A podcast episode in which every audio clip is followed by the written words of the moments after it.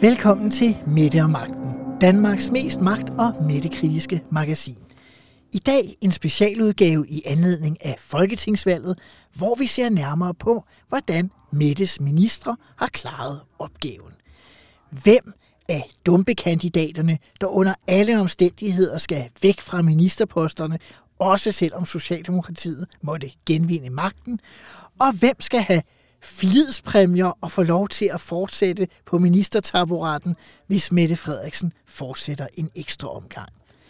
Jeg gennemgår samtlige ministre sammen med min tidligere LA-kollega Joachim B. Olsen, der i dag er politisk kommentator på Dagbladet BT. Så skal vi tale om ordførerskaber. Socialdemokratiet har højst overraskende valgt at suspendere ordførerskaberne i partiet i valgkampen. Det er vist aldrig sket før. Hvad går det ud på? Vi prøver at få et svar fra Socialdemokratiet, men det skal vise sig sværere end som så. Og så skal vi tale om løgne i politik. Ekstrabladet har været meget efter statsminister Mette Frederiksen for at lyve i debatterne. Hvorfor lyver Mette? Hvorfor lyver politikere? Virker det? Kan man faktisk få flere stemmer ud af det?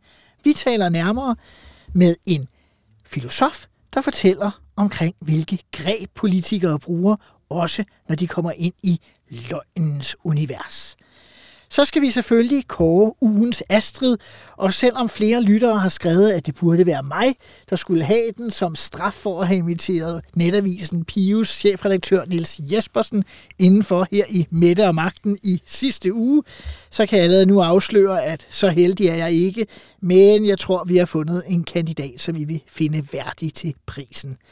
Til sidst ser vi på denne uges socialdemokratiske problemer, boliger, efterretningsvæsen med mere. Og endelig gennemgår vi ugen i valgkampen og ser lidt nærmere på, om de borgerlige måske ikke også godt kunne til at tage sig sammen, hvis vi ellers skal have en spændende valgkamp. For den valgkamp, vi har haft indtil nu, har jo primært været præget af, at statsminister Mette Frederiksen har kunne læne sig tilbage, se de borgerlige partier slås med hinanden og de socialdemokratiske meningsmålinger går frem og frem og frem. Og det er selvfølgelig meget godt, hvis vi gerne vil have et ugenligt magasin, der skal hedde Mette og Magten i fremtiden. Men hvis der skulle lidt spænding ind i valgkampen, så kommer det nok til at kræve lidt mere også fra de blå partiledere. En anden, der har haft succes, er tidligere statsminister Lars Løkke Rasmussen og hans lille, lille blok med sit enlige moderate parti, Lars Løkke har klaret det usædvanligt godt i debatterne. Han har markeret, at han har det, der skal til. Han er på niveau med Mette Frederiksen, og hans målinger stiger pænt og flot. Taberne indtil nu, det er jo selvfølgelig de konservative. Søren Pape Poulsens statsministerdrømme virker til at implodere med en hastighed, der kun overgås af nedgangen i de konservatives meningsmålinger. De ligger stadig til fremgang, men der er næsten tre uger tilbage af valgkampen, og man kan godt frygte, at det slet ikke bliver til en fremgang for det konservative parti. Det sidste parti, der er i problemer, er det radikale venstre, Sofie Carsten Nielsen, damen, der udløste valget, og er grunden til, at vi overhovedet skal stemme og diskutere politik så intensivt i disse uger, virker som om, hun slet ikke har haft tid til at stemple ind i valgkampen, og det har hendes vælgere ikke, hvorfor de radikale siver i målingerne. Vi skal i gang med Mette og Magten. Mit navn er Simon Emil Amitsbøl Bille. Lad os komme i gang med kritikken.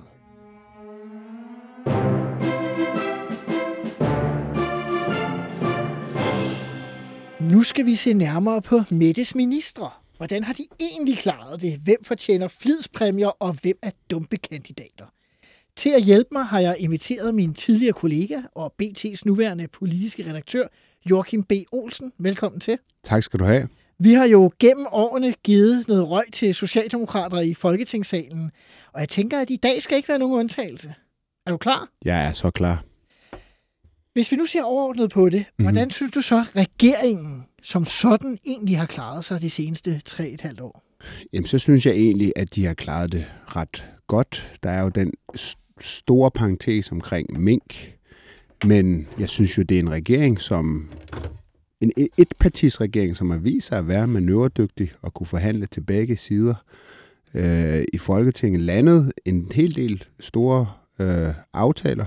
Så jeg synes egentlig, at de sådan overordnet set fra deres udgangspunkt har klaret det rimelig godt. Men har de også det, når vi ser på de enkelte ministre? Det ser vi på lige om lidt.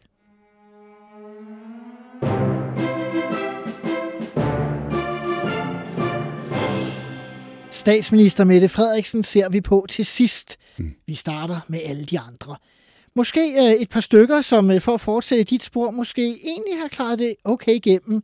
Hvad tænker du, når jeg siger finansminister Nikolaj Vammen og udenrigsminister Jeppe Kofod?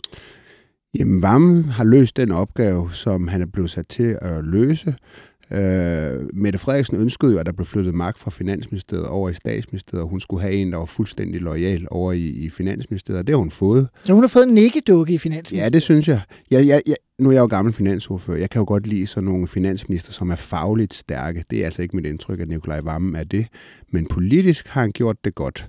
Altså han landede øh, landbrugsaftaler, hvor han kom med ekstra penge. Der har været nogle, nogle forskellige gange, hvor han har sørget for, at enderne kom til at mødes. Jeg vil dog også sige, at han har heller ikke haft måske det sværeste job, en finansminister nogensinde har haft, fordi Øh, den her regering har været begunstiget af et stort økonomisk råderum. Man har kunne komme med en ekstra check. Når det var og det, meget der... venlige støttepartier. Og meget venlige støttepartier, jeg er helt enig. Og, og man, han har kunne komme med den der check, når det var den, der skulle til for at få enderne til at mødes.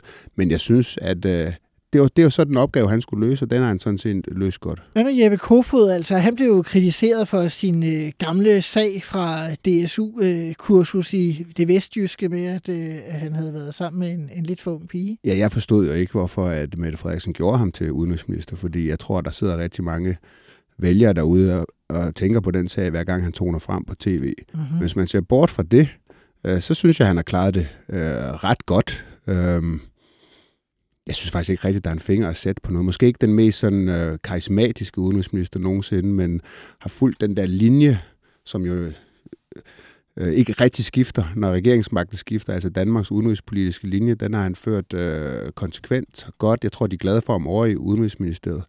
Øh, der har været nogle gange, hvor man kunne se, hvor han var henne i hierarkiet. Og det er ikke så højt, som en udenrigsminister normalt vil være. Forstået hvordan? Ja, da, for eksempel da der var børnene i Syrien, da det virkelig brændte på, og det... Øh, enhedslisten var ude efter blod. Der var altså jo, de der børn, der sidder nede i lejrene i Syrien, og som der er meget snak om, de skal komme hjem igen? Præcis, ja. Da den sag, den, den øh, virkelig blussede op, øh, øh, og, og man havde en fornemmelse af, at der i hvert fald var nogen i enhedslisten, folketingsgruppe, der ønskede, at nu skulle der en minister, der skulle ryge hovedet, og sigtekornet var lidt stillet ind på, på kofod. Der var der nogle samråd med både med Trine Bramsen og med, med Kofod, og øh, også med, nu kan jeg faktisk ikke huske den tredje dommer. Det er også ligegyldigt, men man kunne bare se, når man kom ud af det der, de der samråd, de skulle svare på spørgsmål fra pressen, så trådte de to andre ligesom tilbage, og så blev Kofod ligesom skubbet frem til at stå med alt øh, lortet der. Ja. Øh, og der, der tror jeg, hvis han havde været højere oppe i hierarkiet, så var det nogle andre, der Så havde det været omvendt. Frem. Ja, præcis. Ja. Og nu øh, du lige nævner Trine Bramsen, så kan vi jo gå over til den tidligere forsvarsminister og nuværende transport- og ligestillingsminister. Ja. Total katastrofe. Det synes jeg virkelig, hun har været. Og det er... Øh, Altså håndtering af Finsen-sagen. Vi har jo fået bogen i den her uge. Den er højaktuel i dag, ja. Aha. Øh, fra starten synes jeg, at den sag var så ekstremt dårligt håndteret. Og den dårlige håndtering i starten, at den ikke bliver lukket ned, øh, da øh, tilsynet med efterretningstjenester kommer med deres rapport, at der ikke er nogen dialog mellem det her tilsyn, som jo kom bag på tilsynet også, at der ikke er nogen dialog mellem ministeriet og tilsynet i, forhold til den pressemeddelelse, de sender ud. Og så begynder sagen bare ligesom at, at rulle og komme ud af kontrol af regeringens hænder. Men, men ja. alle kan blive enige om, at Trine Bramsen har håndteret den sag utrolig dårligt. Ja. Men en ting, der undrer mig, altså jeg tænker, sådan en sag kan vel ikke bare gå sådan, uden at regeringens sikkerhedsudvalg med Mette Frederiksen, Jeppe Kofod, øh, justitsminister Nick Hækkerup i sin tid øh, har været der. Altså, hun kan vel ikke bare alene lave sådan en katastrofe? Nej, det ved du øh, bedre end mig. At sådan kan det jo selvfølgelig ikke lade sig gøre. Jeg kan ikke forestille at, Nej, nej, og det er du også helt ret i. Øhm, men jeg tænker så også, at det siger noget om en svag minister. øh, som mm-hmm. så ikke har kunne gøre sin indflydelse gældende i sådan en sag der, og der kunne forudse øh, og, og, og komme med noget ordentlig sparring til de andre minister og sige, prøv at jeg, jeg, jeg advarer virkelig mod at håndtere sagen på den her måde. Den her skal vi have lukket ned nu, eller så er der en risiko for, at, at den spænder ud af kontrol, og det er jo det, der er sket. Så hun er dumpet? Ja, det synes jeg. Hvis Mette Frederiksen danner regering igen, tror du så på, at Trine Bremsen er på ministerlisten efter valget? Ja, det vil jeg så bestemt ikke udelukke, fordi Socialdemokratiet står med det problem. Nu kommer det jo an på, hvad for en regering vi får. Men øh, Socialdemokratiet har jo et kvindeproblem, forstået i den, øh, i den forstand, at de ikke har særlig... Altså, hvis de skal se, skille lidt til kønsligheden i sådan en regering, så, så er det... Jeg, jeg vil sige, at det er nemmere at blive socialdemokratisk minister, som man er kvinde. Det er en fordel lige nu. Ja, man kan i hvert fald sige, at der er åbenbart så få kvindelige socialdemokrater, der er kvalificeret til at blive minister i Mette Frederiksens optik, så de har ikke engang kunne leve op til deres egen målsætning om mindst 40 procent af hver køn. Nej, det er rigtigt. Jeg er spændt på det, fordi jeg har ellers tænkt, at efter især øh, Finsen-bogen den øh, landede på hylderne i den her uge, at øh, Trine Bramsen må være færdig, især hvis det bliver en koalitionsregering. Ja, det tror jeg også. Du, det, det, der vil jeg heller ikke sætte ind på, hvis, øh, hvis det bliver det. Øh, en anden mulig dumpekandidat, det er jo øh, fødevareminister Rasmus Prehn. Ja han er dumpet i den grad. Han er også en, som man, der er mange frustrationer over ham i Socialdemokratiet og blandt de andre ministre i øvrigt. Altså på grund af kreditkortsagen? På grund af kreditkortsagen og hans... Øh, hvor han har holdt møder ja, med virkelig, folk. Virkelig en doku- dokumentfalsk jo. Altså, han har jo skrevet Aha. forkert navn på Aha. kvitteringer. Uh, der er helt ude ynkeligt, synes jeg, at give sin uh, sekretær skylden for det på et tidspunkt, selvom det var ham, der havde skrevet navnet på, og så videre. Men hvordan kan man overhovedet overleve sådan en sag?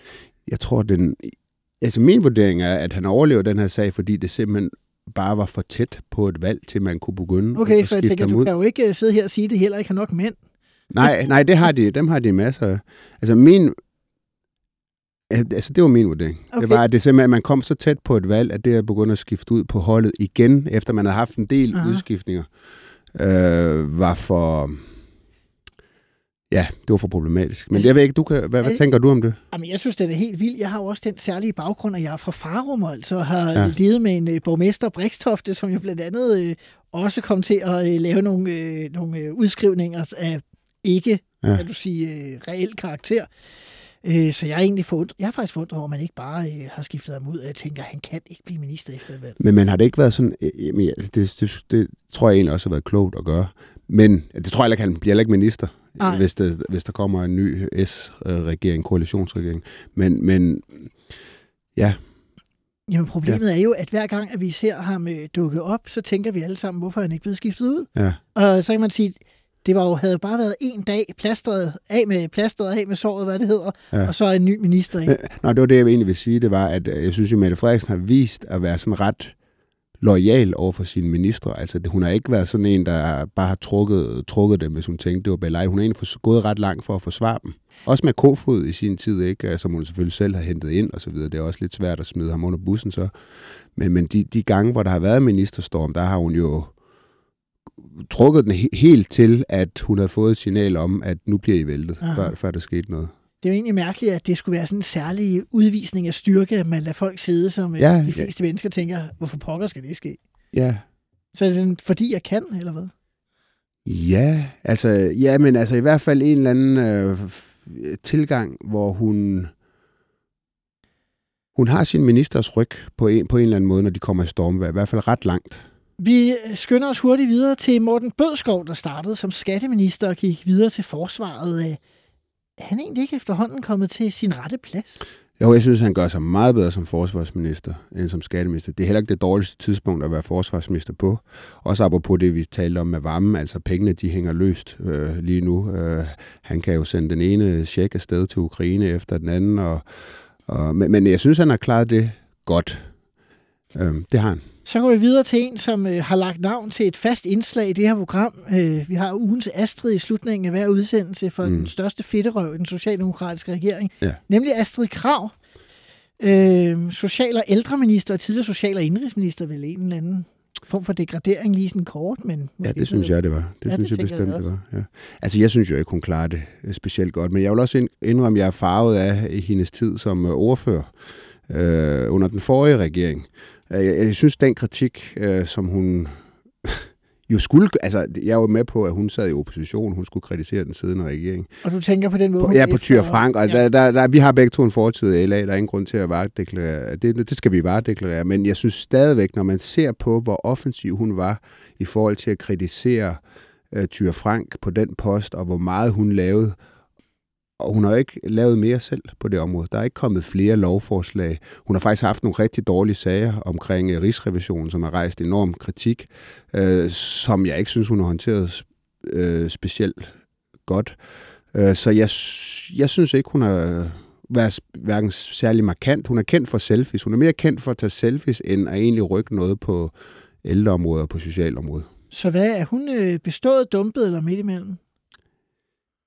Ja, jeg, jeg synes jo, hun er dumpet.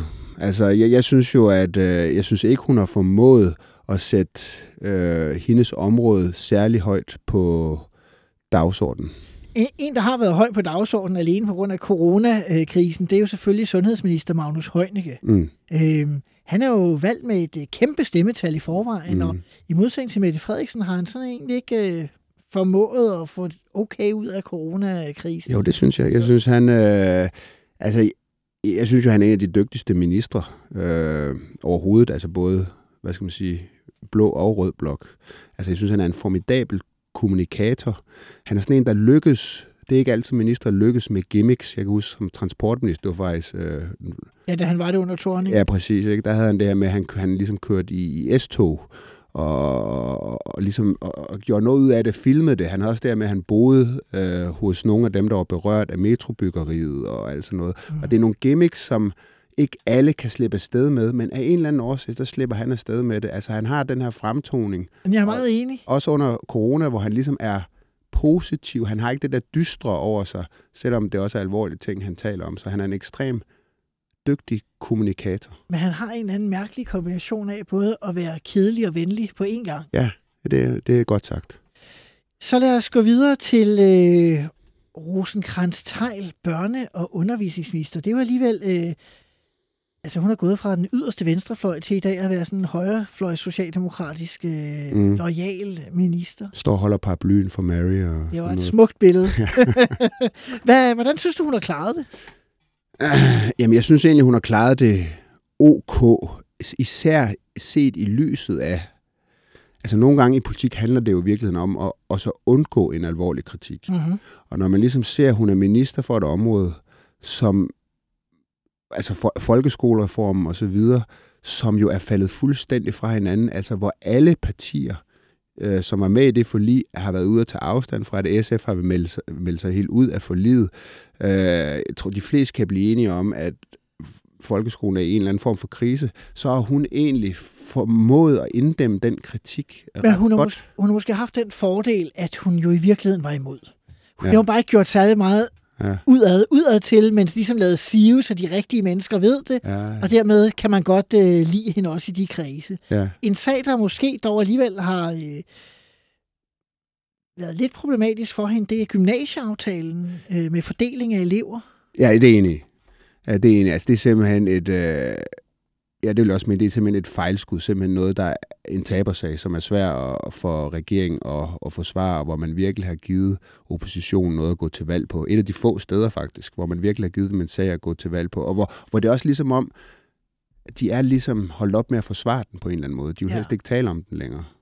Men det er, fordi nu skal pæne menneskers børn også køre Ja. og gå i gymnasiet Ja, andre steder, ikke det kun ikke. andre menneskers børn. Ja.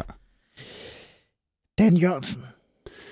Jeg synes, han er tricky. Jeg har det lidt, øh, han, jeg synes, han er en tricky minister, fordi han er, han er jo den type minister, som jo sådan set er en god kommunikator. Han er i hvert fald god til at komme ud over rampen. Jeg synes, at øh, han, han, han havde jo en svær start, øh, fordi at øh, der var det her med hockeystaven, og at øh, den her massive kritik fra partierne til venstre for regeringen for ikke at være ambitiøse nok på klima.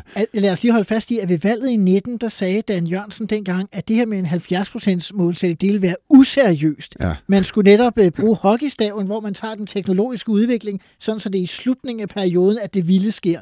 Og man kan sige, at hockeystaven er blevet knækket, Ja. ja. måske nærmest blevet omvendt, så nu skal man gøre det hele, mens man ikke har teknologien, Ja. og så øh, ikke gøre en skid, når øh, teknologien udvikler sig. Jeg vil, der var jo noget, altså, det, det er jo min holdning, men der var jo noget fornuftigt i, i den der hockeystav også. Men, men politisk var det jo en dødsejler, fordi at klima blev altså højt op på vælgernes øh, dagsorden, og der, der skulle støttepartierne også have noget betaling. Øhm, Jeg synes, hvorfor er skal vi give ham? Altså, han er bestået ja. i hvert fald, synes Ja, jeg. ja. Men han er også lidt for mange. øh, Du har selv i dit, øh, i dit nye øh, program over på, på BT, Slottet og Sumpen, har mm. I lavet sådan et joke-billede, hvor I er gået ned i vandet, ligesom Klimadan gjorde. Ja, ja, præcis. Altså, han er sådan en... laver sådan nogle spøjse photo-opportunities, samtidig med, at han er en ekstremt faglig, indsigtsfuld minister i virkeligheden, ikke? Ja. som pisser utrolig mange mennesker af af en eller anden grund. Ja, men det er, det er, det er, det er, der, der er jo sådan et eller andet skær noget selvglad over ham på en eller anden måde. Den måde, han, altså, hans billeder på Facebook kan jo ligne sådan nogle modelbilleder, hvor han står og skuer ud mod horisonten og sådan noget. Der er sådan et eller andet... Man har sådan en fornemmelse, at han er utrolig glad for at se sig selv på billeder lidt. Men, men altså, han er en god kommunikator. Så han er bestået. Simon Kollerup, erhvervsminister, da han blev udnævnt, sagde iværksætter Martin Thorborg, at han er en fuckfinger til erhvervslivet. Mm. Hvordan har han klaret sig? Hvordan har han klaret sig? Altså, hvis man ser det fra Socialdemokratiets synspunkt, så har han egentlig klaret sig ganske godt. Ikke? Altså, fordi han har jo... I, hvis jeg skal nævne nogle ting, ikke? Altså, han har jo, jeg synes jo, han har været ude i nogle ekstremt populistiske angreb på nogle af dem, han er minister for. Altså se øh, angrebet på bankerne for eksempel, da de havde negative indlånsrenter. Ikke? Altså hvor han går ud i nogle, nogle angreb, som simpelthen, altså hvor enhver med bare en lille smule indsigt ryster på hovedet over det, han står og siger. Og hvor man bare siger, har den her mand overhovedet nogen faglig indsigt i, i det emne, han er, øh, område, han er minister for. Men samtidig så den måde, han kommunikerer på, kan jo godt være meget smart, fordi han, det er meget populistisk, appellerer til nogle vælgere, som ikke kan forstå, at der er negative indlånsrenter. Selv fagbevægelsens egen bank, Arbejdernes Landsbank, kørte med negative Aha. ind- indlånsrenter. Så han tager ligesom nogle gange nogle, nogle, nogle, nogle politiske sværslag i luften, øh, hvor han slår på nogen, som ingen kan lide, for eksempel banker, men jeg synes ikke, det er særlig seriøst ud fra sådan en et fag. Han var også ved at blive lidt til grin, da han kom til at gå øh, lidt for langt øh, ud af balkongen på Københavns Rådhus, Ja, da Vingegaard det er havde vundet Tour de France. Ja, ja, det var virkelig et eksempel på øh, en minister, der glemte tid og sted.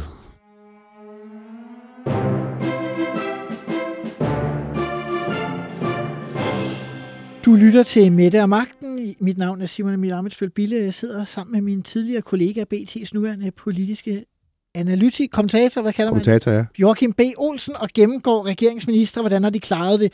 Vi har foreløbig fundet et par dumpe kandidater i Trine Bramsen, Rasmus øh, Prehn og Astrid Krav. Men er der flere? Jeg nævner lige et par stykker, som jeg måske vil give en lidt øh, anden øh, indledning. Ane Halsbo Jørgensen, uddannelses- og forskningsminister, nu kultur- og kirkeminister, og Jesper Petersen, hendes afløser på den første post.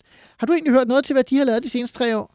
Nej, det er ikke meget. Jeg synes, øh, overraskende nok har Anne Halsbo været meget usynlig. Jeg havde faktisk lidt forventet lidt mere øh, af hende. Jeg synes, hun har været bedre på kulturområdet Mm-hmm. end på den foregående post. Hun var lidt Øh, kritiseret havde- for noget rejseri. Ja, der var det hendes tur til øh, Oscar-uddeling i Los Angeles, øh, som, øh, hvor der vist blev i hvert fald blandet lidt private udgifter med lidt øh, offentlige udgifter sammen osv. Måske ikke en historie, der sådan rigtig kom til at hænge fast på hende, men øh, Bestået stille og roligt. ja, jeg er bestået her. Og Jesper Petersen. Ja, det, hvis det han er bestået, så er det i hvert fald også stille og roligt. Altså, jeg synes, han har været helt usynlig på den post. Altså, det er jo sådan en... Altså, han kom jo... Det er jo den helt klassiske vej til en ministerpost, har været politisk ordfører og så videre, ikke? Øh, øh, men jeg synes, han har været meget usynlig. Så jeg ved faktisk ikke, om jeg synes, han er bestået. Det er jo ikke, fordi han decideret har lavet fejl, men det er jo et vigtigt område, han er minister for. Øhm, jeg ved ikke. Jeg, jeg så er jeg Jamen, lidt det et hård godt der. Jeg, jeg synes ikke helt, han er bestået. Øh, det, det må jeg sige. Altså, Og han Prøv- var, prøv- meget, han var jo meget synlig politiker, indtil han blev lukket ind øh, på regeringsbænkene. Hvis jeg skulle sige, hvorfor han ikke er bestået, så er det fordi, at øh, han er minister for et område, hvor Socialdemokratiet har det svært, altså for unge. Mm-hmm. Det er for uddannelse. Mm-hmm. Socialdemokratiet har lavet nogle svære ting, øh, rundbarberet så videre, ikke? Øh, og det er et område, de har tabt vælgere i de store byer, de har tabt unge vælgere i de store byer, rigtig mange, i hvert fald til kommunalvalget. Øh, og der, der, der synes jeg, at de bør have en, der er mere offensiv, øh, og kan tale mere til de unge, end han har været i stand til. Vi går hurtigt videre til Mathias Tesfaye, tidligere udlænding integrationsminister, nu justitsminister. Jeg synes i den grad, han er bestået. Jeg synes, han er en af deres absolut stærkeste øh, ministre. Jeg, jeg er egentlig enig, men jeg synes egentlig, det er sådan lidt mærkeligt, for jeg tænker også, øh, da jeg skulle sådan, øh, sidde og tænke lidt over, hvordan han gjort det, så tænkte jeg, han er jo på en eller anden måde også alligevel den, der lever stille, lever godt, fordi han er jo ikke sådan en Inger Støjberg, øh, udlændingeminister, eller en, med, hvad skal man sige, Lene Espersen, justitsminister, eller sådan noget. Han er sådan stille og rolig og siger, vi skal løse problemerne, det klarer vi også. Ja, men han har også den der evne til at sige nogle ting. Man faktisk, altså, når han taler, så gider man godt at lytte på ham, så man kan holde de her ekstremt lange pauser, når han får et spørgsmål.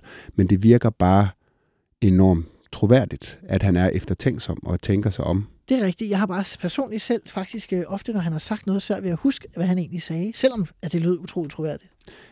Ja, men så skulle jeg jo komme med et eksempel. Han sagde det der med, øh, udlændingepolitikken skal være stram, men ikke tosset. Altså, det er jo sådan noget, ingen kan være uenige i.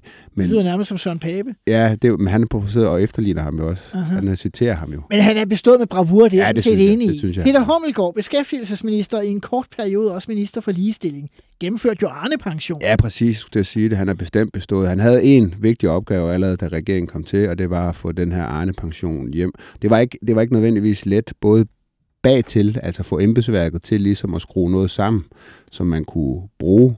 Det var jeg faktisk i tvivl om, det kunne lade sig gøre, men det formåede han. Og så formåede han jo at få Dansk Folkeparti med på det, altså lave en, en, en, en aftale hen over midten, øh, som gjorde den langtidsholdbar. Det var så ind til Dansk Folkeparti øh, kollapsede fuldstændig i målingerne. Men han løste den Men både opgave, Venstre og de radikale har jo ligesom sagt, det skal vi ikke gøre noget ved. Nej, præcis.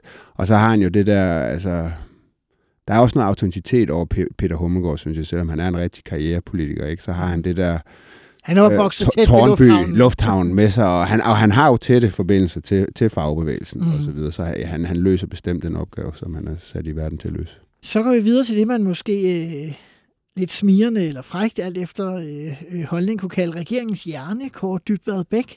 Ja. Øh, først bare boligminister, og nu bolig og ind, så er bolig- og indrigsminister, og så udlænding- og integrationsminister, sådan langsomt blive forfremmet i løbet af, af perioden. Mm. Mm. Jamen, han er jo meget, han er jo virkelig meget usynlig. Ja. Altså, han, han er jo en, der er, altså han har en stor stjerne hos Mette Frederiksen, mm-hmm. fordi han ligesom, han er jo en intellektuel, skriver bøger, som taler direkte ind i den fortælling, som Socialdemokratiet jo har haft siden Mette Frederiksen blev formand. Det er den stramme udlændingepolitik, stram retspolitik og den mere venstreorienterede økonomisk politik, land- og by-problematikken, som øh, jo var meget stærk i Socialdemokratiet, i hvert fald i det sidste valg, men som måske ikke er helt så stærk mere. Altså, det er jo ikke, Passer fordi... han ikke så godt ind i valgkampsstrategien? Nej, de, altså, man kan jo sige, at den strategi den led i hvert fald et knæk til kommunalvalget. Hvor de tabte de store byer. Ja, hvor de gik over 10 procent point tilbage i alle de store byer. Socialdemokratiet var jo ligesom indstillet på, at man godt kunne tåle at tabe lidt i byerne, hvis man vandt i, på landet. Men det der, det var, det var for meget. Mm. Og man ikke er største parti i København og så videre. Altså, så begynder, altså, der kan man sige, at det er en strategi, som er lykket så godt, for godt, og uh, rammer den socialdemokratiske selvforståelse i de store byer nu det er ikke helt tilfældigt, at jeg tog de tre herrer efter hinanden, fordi det er ligesom øh, Mathias Tesfaye med udlændinge, Peter Hummelgaard med beskæftigelse, Kåre øh, Dybvad med landby. Det er jo ligesom i den øh, trekant, at Socialdemokratiets 2019-sejr, ja. den øh, blev lavet. Det er rigtigt. Øh, jeg er enig med dig. Men er de vigtige for valgkampen i 22? Mm, altså, til Sverige, øh, han er vigtig. Øh, Hummelgaard er også vigtig. Dy- Dybvad er måske ikke så vigtig mere af de grunde, vi lige har været inden for. Men det ændrer ikke på, at altså, han har en meget stor stjerne. Vi bliver i udkanten og går videre til Lea Wermelin, miljøminister fra Bornholm. Ja, altså hende er jeg absolut ikke imponeret af. Øh, jeg synes, hun er først og fremmest er hun jo minister for et område, som er ekstremt vigtigt for regeringen. Øh, det, er miljø, det er ikke klima, men det er miljø. Øh, men, øh, men det er et område, som er meget, meget vigtigt for regeringen, og der synes jeg, hun er ekstremt usynlig. Og nu har hun fået en anden fluffy boligsag. Nu har hun fået en lidt en fluffy boligsag også, ja. Men, øh, men, men hun er jo sådan en, øh, altså på, det, hun er jo også sådan en, som hendes støttepartierne har været enormt utilfreds med. Øh, og det vigtigste for en regering er at holde sig på god fod med sin støtteparti. Og selv SF har på et tidspunkt tænkt, altså hvis vi skal ud og markere os, og vi skal fjerne en minister, for ligesom at vise, at vi faktisk er, og det har de så ikke gjort, øh, så var hun en af dem, de havde i sigtekort. Så hun er dumpekandidat hos Ja, jeg synes, hun er dumpet. Altså, hun er minister for et meget, meget vigtigt område, der står højt på vælgernes dagsorden, og hun er komplet usynlig i modsætning til Dan Jørgensen. Flemming Møller Mortensen, minister for udviklingssamarbejde og, nord- og nordisk samarbejde, fløj ud af landet den 19. november 20, og ingen har set ham siden. Nej, altså, man- jeg kan jo ikke sige, at han er dumpet, men øh, altså, hvis du går ud og spørger en tilfældig vælger på gaden, hvem er Flemming Møller Mortensen, så tror jeg simpelthen ikke, der er nogen, der, kan, der rigtig kan svare på det. Så altså, han er ekstrem. Ja, han er bestået, fordi det er, lidt et, øh, det er jo sådan lidt et sekunda-ministerium under Udenrigsministeriet, han render rundt med. Men tror du, der er nogen, der øh, vil kunne nævne, at Christian Rabjerg Madsen er indrigs- og boligminister, spørger jeg så? Ja, Det kan du godt have en pointe i, men han er bare lige alligevel den, den større profil, ikke? Synes jeg. Okay. Flemming Møller Mortensen. Jeg ja. tror vidt ikke, der er nogen, der ved, hvem han er. Altså, han er, han- jeg vil jo sige om ham, at øh, som, øh, han, er, han er jo mest, vi to kender ham jo bedst som sundhedsordfører, Ja. som han var i mange år for Socialdemokratiet. markant, ikke? Meget markant sundhedsordfører, meget flittig Mm-hmm. folketingsmedlem Mhm. og så videre, men, men nogle øh, kioskbasker er han sgu ikke. Nå, vi skal lige skynde os og have øh, Jeppe Brugs, skatteministeren. Altså, han er bestået, men jeg synes, det er røvkedeligt. Jeg kan ikke lade være med at tage tweetet med, hvor han skrev, nu er der jo ingen, der har været tvunget til at optage coronalån eller modtage lønkompensation, så hvis det ligefrem var en dårlig forretning, undrede det mig, at så mange benyttede sig af ordningen, og så gik nettet amok. Ja, altså gik nettet amok, og så var han også nødt til at trække tilbage på den. Ikke? Aha. Og det er måske den, virkelig den sådan kommunikative fejl, han har, han har lavet. Men han er jo, altså, han er jo egentlig driftsikker nok. Øh, men jeg synes bare, ja, jeg synes, han er så enormt kedelig, og så er han simpelthen bare indbegrebet af en partisoldat. Øh, også tidligere politiske ordfører, de er jo lidt, det er jo så nogen, der kan sige det ene den ene dag, og det andet den anden dag. Og så, Så vi lader Wermelin komme med som den fjerde og sidste ja. dumpekandidat.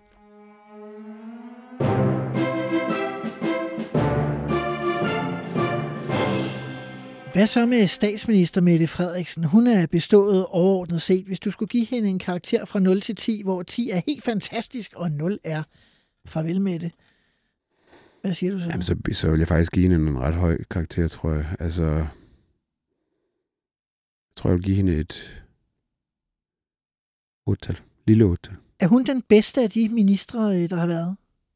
Eller vil du nævne en anden? Ja, det synes jeg godt, man kan argumentere for, hun er. Hvis det ikke skulle være hende, hvem skulle så være den bedste minister fra hendes hold? Ja, bedste minister. Altså, så vil jeg tage varme, tror jeg. Altså, Varme. Til min store. Altså, det er mærkeligt for mig at sige, men, men det vil jeg faktisk sige. Lytterne skulle kunne se, at øh, Joachims ansigt det går i en, en, en sted mellem at grine og, Ja, men og det- ikke rigtig vide, hvad man skal gøre Nej, ansigtsfolderne her. Præcis. Men øh, jeg synes jo, at altså, der er jo bare den her store parentes, øh, eller det er forkert at sige, det er en parentes, der er den her mink-sag, Ja. som jo virkelig, virkelig sled på hendes troværdighed. Mm-hmm. Øh, den affødte sms-sagen og så videre under kommunalvalgkampen, hvor hun for første gang, synes jeg, så fuldstændig åndssvag ud, når hun skulle svare på spørgsmål og så videre. Altså, det blev helt, det er for teknisk. Betyder den noget. sag noget under det her valg? Altså, det, men det har, den har jo betydet noget indtil nu, men hvis målingerne ellers er, det, det gør den, ja, helt Mhm. mm-hmm. kort, men den betyder betydeligt mindre, End vi troede. end vi troede. Altså, hun ligger lige nu til fremgang, og hun troværdighedsmålingerne stiger hun. Hun er danskernes klart foretrukne statsministerkandidat. Til allersidst, vi skal lige huske at sige, at øh, Mogens Jensen røg på Mink-sagen. Jo, Joy Mogensen trak sig som kulturminister. Benny Engelbrecht øh, røg på et meget mærkeligt mistid fra, øh, fra enhedslisten, og Nick Hækkerup øh, forlod politik til fordel for øh, Bryggeriforeningen. ja, hvad hedder det, Bryggeriforeningen. Hvis vi tager de fire med, og ikke fordi du skal nævne en af de fire, hvem har været den værste minister under Mette Frederiksen? Hvem er dumpekandidat nummer et? Jamen, jeg bliver nødt til at sige Trine Bremsen. Trine Bremsen, det blev det sidste ord fra Joachim B. Olsen. Tak fordi du vil være med i Mette og Magten. Det er også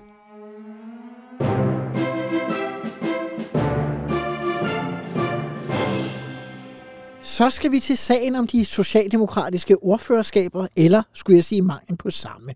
Socialdemokratiet har nemlig højst usædvanligt valgt at suspendere alle ordførerskaber under valget.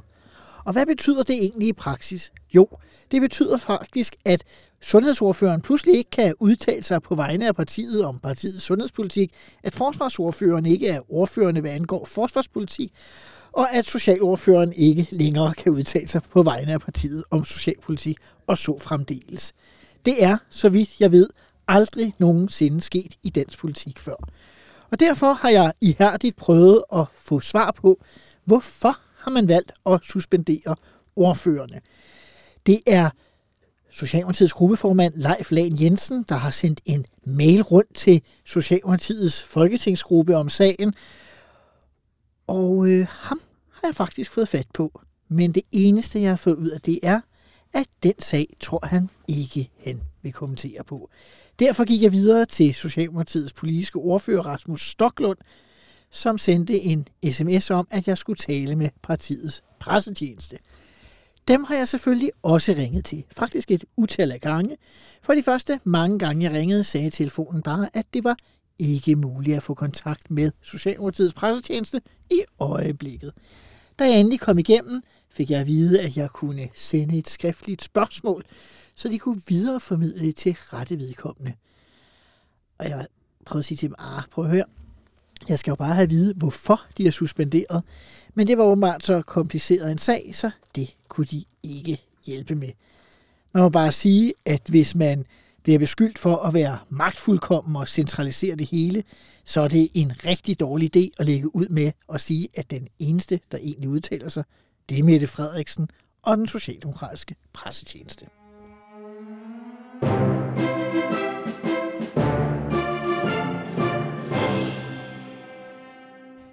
Mette lyver, når det passer hende. Sådan skrev Ekstrabladets chefredaktør Knud Brix for nylig i en leder om statsminister Mette Frederiksen. Og han kommer med flere eksempler i sin leder. Først siger han, at den første løgn faldt i den indledende tv-debat mellem de tre statsministerkandidater. Her siger Mette Frederiksen, at de konservatives politik vil medføre, at 40.000 offentlige ansatte skulle fyres, men det passer ikke. Den anden løgn ifølge Knud Brix er, da Mette Frederiksen onsdag benægtede, at hun tidligere samme dag havde givet en 82-årig økonomisk trængt dame det tvivlsomme råd at bruge friværdien i huset til at betale varmeregningen. Det passer ikke, hævdede S-formanden, da hun blev spurgt, men Ekstrabladet havde optagelserne på video. Tredje løgn ifølge Knud Brix var, da det søndag aften blev sagt af statsministeren i den store duel mellem Pape og Ellemann, at den største forskel på jer to og mig er, at I vil fjerne topskatten, selvom hun vidste, at Venstre ikke ville fjerne topskatten. Hvorfor lyver Mette, spørger Ekstrabladet, og vi går nærmere ind i sagen.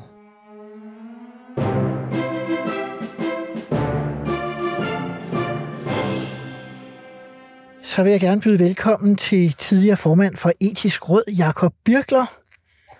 Tak skal du have. Du har øh, for nogle år siden udgået bogen Den umoralske politiker, hvor du beskriver nogle af de greb, som politikere bruger, når de måske skal fremme deres sag i en valgkamp. Og kan du prøve at beskrive lidt om, hvad er det egentlig, de prøver at opnå, og hvordan gør de? Ja, altså især i en valgkamp, så handler det jo om vælgernes gunst. Det handler om øh, stemmer, øh, og øh, der skal man jo så være ved at tro på. Altså nu som, som etiker, så fokuserer jeg på værdier, og den vigtigste værdi i politik i forhold til vælgerne, det er jo troværdighed. Altså man er ved at tro på. Og så fremlægges politikken, øh, og det kan man sige, det kan gøres, øh, det kan selvfølgelig gøres meget ædelt, fornemt, argumentatorisk, glat, men der kan også bruges nogle greb undervejs, som man i hvert fald skal være opmærksom på øh, som vælger. Øh, og øh, jeg har selv øh, kategoriseret de her forskellige øh, knep eller greb, eller nogen kalder det måske ligefrem tricks, altså i forskellige kategorier, hvorfra man så kan, kan forsøge at afdække det i den politiske debat. Øh, noget, der er meget almindeligt i dag, det har det måske virkelig været længe, men, men det, er jo, det er jo sådan noget som stråmand, altså, og det betyder jo sådan set, at man forsøger at lave et karikeret billede af, af modpartens politik, for på den måde jo altså at udstille øh, deres politiske budskaber til egen fordel. Men, øh, men må jeg spørge, for eksempel når vi ser øh, den store statsministerdebat på TV2 forleden, og statsminister Mette Frederiksen, hun siger henvendt til de to øh, andre kandidater, den største forskel på jer to og mig, det er, at I vil fjerne topskatten. Jakob Ellemann, han prøver at protestere, og man må gå ud fra, at hun godt ved, at han, at han ikke vil fjerne topskatten, eller hvad? Ja, altså, øh, nu er det jo så helt åbenlyst forkert. Altså, det er faktisk uh, sjældent, uh, at politikere direkte lyver. Uh, fordi det kommer man som regel galt sted med, med mindre selvfølgelig, man ikke er klar over, man gør det. Altså, man, uh, man simpelthen taler mod bedre vidne. Altså, uh, så som regel er det en fordrejning, altså, eller, eller man forsøger at afspore en, en, en debat, eller eller tage teten i retning af en, en, en, et, et nyt budskab. Øh, sådan, sådan, sådan er spillet jo.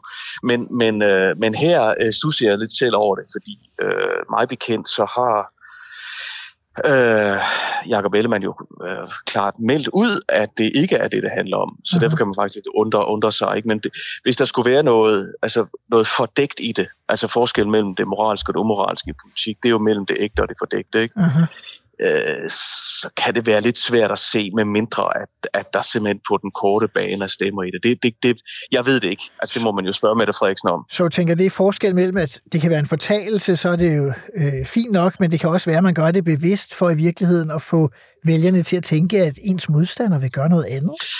Jamen, altså, de der klare modsætninger, de virker som regel i politik. Desværre så øh, er det jo ofte for simpelt, og der mangler alle de der nuancer, som vi ofte taler om. Ikke? Altså, et andet eksempel i samme skuffe, det er jo det der, man siger, altså skattelettelser eller velfærd. Mm-hmm. Sådan, sådan har vi jo hørt det igennem mange, mange år. Ikke? Øh, og der vil der være politikere, der vil sige, nej, det er mere nuanceret. Men så er der allerede nogen, der står af, fordi man gider ikke nuancer, man vil bare have det klare budskab. Ikke? Ja. Men hvis det hedder skattelettelser eller, eller velfærd, så, så vil de fleste danskere sige, jeg vil jo hellere have velfærd. Ikke? Ja. Øh, man, kan kan man... Også, undskyld, man kan måske også tage et eksempel fra den første statsministerdebat. Der siger Mette Frederiksen til Søren Pape, at hans politik vil kræve, at der skal fyres 40.000 offentlige ansatte. Hvis man læser sådan tallene bagved, så kræver det i hvert fald nogle færre offentlige ansatte, men så kan man jo diskutere, om de skal fyres eller ej. Er det en løgn, eller er det en forsøg på at, at fremstille politikken på en bestemt måde? Ja, så kan man jo så forsvare det, altså ved at sige, at det ikke er en løgn, ved at man øh, fremsætter den præmis, hvorudfra, at det så ligesom er en, en låst matematisk model, ikke? Mm-hmm. Øh, hvor, øh, men, men hvis man måler det en til en, krone for krone, ikke? de og de skattelettelser, hvor mange øh, lønkroner vil det så øh, betyde, ikke? Og så, så kan man jo øh, prøve ud fra egne regnstykker. Det går sjældent godt, men så nogle andre, der har lavet det i hvert fald, som man så kan henvise til, at det er så sådan, det forholder sig. Og det er jo endnu et knep, man bruger i politik. Det er, det er selvfølgelig at, at henvise til de såkaldte autoriteter og eksperter, som alene kan give en selv rygdækning for politiske budskaber. Fordi det er jo sjældent, man gør det modsatte. Ikke? Men det, der bare ofte er tilfældet, det er, at der jo er eksperter, der, der taler i forskellige retninger. Aha. Uh, så. Du citerer i din, øh, i din bog øh, øh, den tyske jernkansler Otto von Bismarck for at have sagt, mennesket lyver aldrig så meget som efter en jagt, under en krig og før et valg. Kan man overhovedet undgå det? Øh,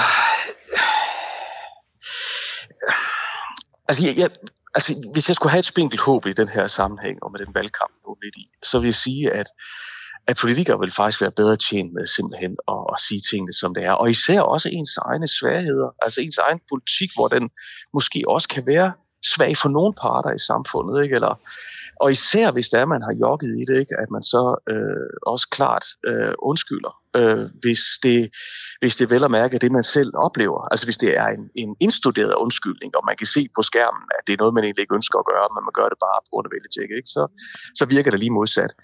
Så, så jeg tror, at den der ærlighed øh, lønner sig faktisk i vælgerhavet, det må, det må jeg sige. Men altså, nu vi er i valgkamp, altså, så kunne jeg jo citere Stanislav Lek, som jo så også siger, at, at det er jo sådan et kapløb mellem trojanske heste, ikke? hvor det jo så først er efter, efter valget, man finder ud af, hvad der i virkeligheden lå gemt i de der budskaber. Ikke? Ja. Men altså, hvis vi så skal slutte til det der med undskyldningerne som det aller sidste, øh, hvis man tager øh, for eksempel øh, også afslutningsdebatten, hvor at, øh, så gik øh, statsministeren op og sagde, at nu vil hun godt sige undskyld, men så var man lige lidt i tvivl om, hvad var det egentlig, hun ville sige undskyld i forhold til det der mink og ikke mink?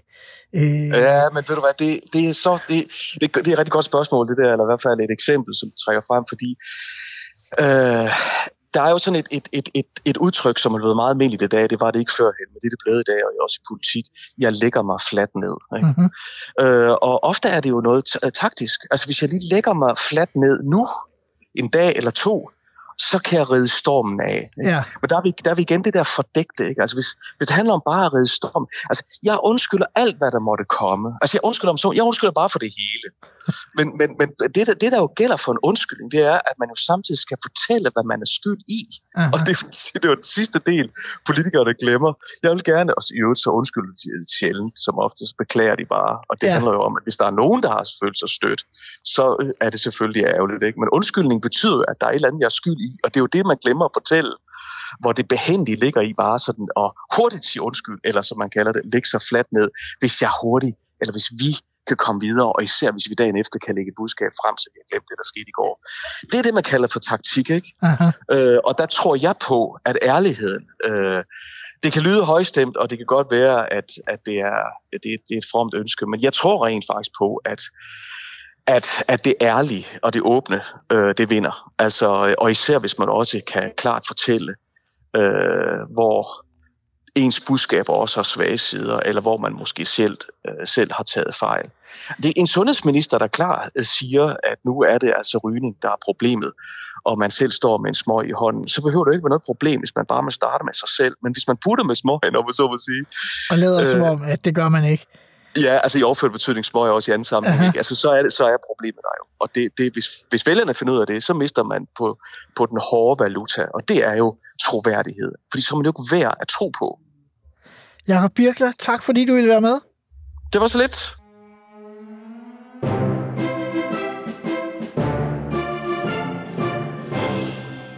Så skal vi til ugens Astrid. Den pris, vi her på Mette og Magten hver eneste uge giver til den største socialdemokratiske fedterøv. Den, der har fortalt, hvorfor Mette er dygtigst, Mette er klogest, Mette ikke tager fejl. I denne uge gives den højst usædvanligt ikke til et socialdemokratisk folketingsmedlem eller minister, men derimod til en hel organisation, nemlig Danmarks Socialdemokratiske Ungdom. Ungdomsorganisationen har helt tilbage siden 80'erne traditionelt udgivet en valgplakat, som ligner en filmplakat. Øh, den oprindelige plakat viste daværende statsminister Anker Jørgensen i rollen som James Bond. Filmtema. Og sådan har man så fortsat fra den ene film til den anden. Og øh, denne gang har man lavet sig inspirere af musical-indspilningen af ABBA nummer 2, Mamma Mia, Here We Go Again. Mamma Mia, here I go again. My, my, how can I resist ya? Og denne gang er det ikke Mamma Mia, men derimod Mamma Mette, Here We Go Again. Og så ser man ellers et forsøg på at efterligne filmplakaten, hvor man så har en række af de socialdemokratiske ministre med. Der er sjovt nok nogen, der ikke er med på billedet. Altså for eksempel øh, integrationsminister Mathias Tesfaye har ikke fundet noget for de aktive socialdemokratiske unge, men det er der derimod mange andre, der har. Lea Wermelin, hun sidder med udstrækte arme og tommelfingerne op efter boligfinden på Bornholm. Trine Bremsen, der er i store vanskeligheder på grund af FE-sagen, står med peace midt i det hele. Og Mor Mette, hun står i midten, skuer ud på befolkningen. Here we go again. Danmarks Socialdemokratiske Ungdom, tillykke med titlen som ugens Astrid. I er ugens og dermed indtil nu valgkampens største socialdemokratiske fedterøv.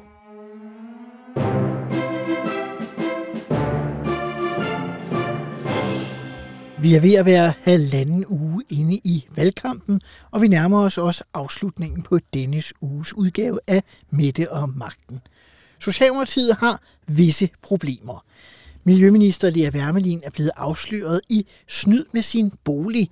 Hun har nemlig officielt bopæl på Bornholm, selvom hun også har en bolig i København, hvor hun både har ægtemand og borgerrepræsentant og børn boende. Hun har ikke opholdt sig nok på Bornholm i forhold til de gældende regler, og dermed er hun pludselig endt i en boligsnydssag. Og det kommer meget ubelejligt for Socialdemokratiet, fordi øh, nu havde man jo lige øh, skudt efter Alex Vanopslag, øh, Liberal Alliances leder, som øh, havde en påstået adresse i Skive, han måske alligevel ikke havde og havde modtaget forskellige ydelser af den vej. Nu er det jo lidt sværere at angribe de blå for at snyde, når man selv har et eksempel i sin baghave. Og helt ærligt, Lea Wermelin, hvem tror du egentlig, du er? Alex Vanopslag. En anden sag, der måske er meget værre for regeringen, det er, at den tidligere spionchef Lars Finsen har udgivet nogle erindringer. FE-sagen har ligget og ulmet længe, men den er ikke rigtig kommet op på den store dagsorden, før den nu eksploderer midt under valgkampen. For det er noget af en højeksplosiv bog, Finsen har lavet. Man kan både se, at der blev tilbudt en aftale om, at han måske kunne slippe for noget straf, hvis han ville komme med nogle indrømmelser over for politiets efterretningstjeneste. Men øh, problemet er bare, at den slags må man slet ikke her i landet. Det andet spændende er, at han siger, at hjemsendelsen er politisk, at daværende forsvarsminister Trine Bremsen sagde til ham, at hun godt vidste, der ikke var noget, øh, hun kunne bebrejde ham, men at hun skulle kunne tælle til 90, og hun skulle vælge imellem ham og regeringens liv. Så hold da op, siger jeg bare. Det næste er, at han beskriver forholdet til statsministeriets nuværende departementschef, den tidligere departementschef i Justitsministeriet, Barbara Bertelsen. Det var meget dårligt mellem de to. Der er masser af eksempler på, hvordan de har sammenstød til forskellige møder, og at han blandt andet også var imod, at daværende justitsminister Nick Hækkerup endte med at sige, at overvågning var frihed. Endelig siger Finsen, at da det kom til afhøringerne, der øh, var de måske øh, lidt for interesserede også i hans familie. Det kommer i hvert fald frem, at hans bror er blevet spurgt, hvad mente I, da I sagde, at Trine Bremsen var dum som en dør? Ifølge bogen svarede broren til politiet, at hun var dum som en dør. Og således øh, ligger sagen med saftige afsløringer af, at øh, man er gået meget tæt på efterretningstjenestens øh, chef, altså FE-chefen Lars Finsen, at regeringen måske har blandet sig mere end godt er, og har taget usaglige hensyn i behandlingen af ham. Sagen skal nu behandles ved domstolene, og efter valget skal der også være en kommissionsundersøgelse, for først kom alle de borgerlige partier og ønskede en undersøgelse. Så kom Lars Løkke Rasmussen og hans lilla moderater. Så kom Sofie Karsten Nielsen og det radikale støtte ikke støtteparti. Og da de radikale først var kommet, så gik der ikke særlig mange minutter, så meddelte Socialdemokraterne og regeringen, at de også støtter en kommissionsundersøgelse. Det bliver helt sikkert en sag, vi kommer til at se meget mere til. Nu kan det være, at øh, vores øh, borgerlige venner de sidder og tænker, så er den hjemme. Nu har vi endelig en sag, hvor vi kan presse Mette Frederiksen. Men der vil jeg bare sige, pas nu på. Den her sag er spændende, den her sag er vigtig, måske også vigtigere end hvem der lige vinder det førstkommende folketingsvalg. Men den får næppe betydning. For man må bare sige, kære blå venner, det er nu, I skal til at tage jer sammen, hvis I har tænkt jer at komme med ind i det her folketingsvalg.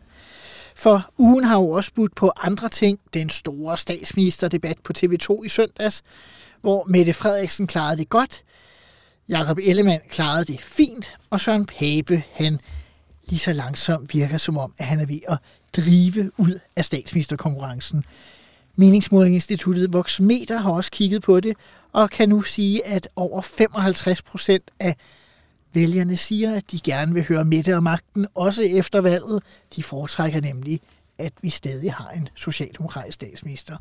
Jakob Ellemann kravler lige op i nogle 20 procent, mens Søren Pape Poulsen, der for halvanden måned siden lå tættere på statsministeren, nu ligger og roder omkring de 15. Det ser ikke godt ud, og jeg vil bare sige til de blå partiledere, I skal se at komme ind i kampen, og I skal holde op med at holde pressemøder, hvor der står seks partier og vrøvler ved siden af hinanden. Fat det nu. Inger Støjbergs vælgere gider ikke se på Jakob Ellemann, de vil gerne se Inger alene og øh, de vælgere, altså øh, overvejer at stemme SR eller Moderaterne, eller VK Liberal Alliance, de gider faktisk heller ikke at se Vandopslag, Pape og Ellemann i selskab med de tre mere nationalt orienterede partiers ledere. Så ud hver for sig og kæmp kampen, hvis I gerne vil have et borgerligt flertal ved folketingsvalget. Det skal i hvert fald være rådet øh, herfra.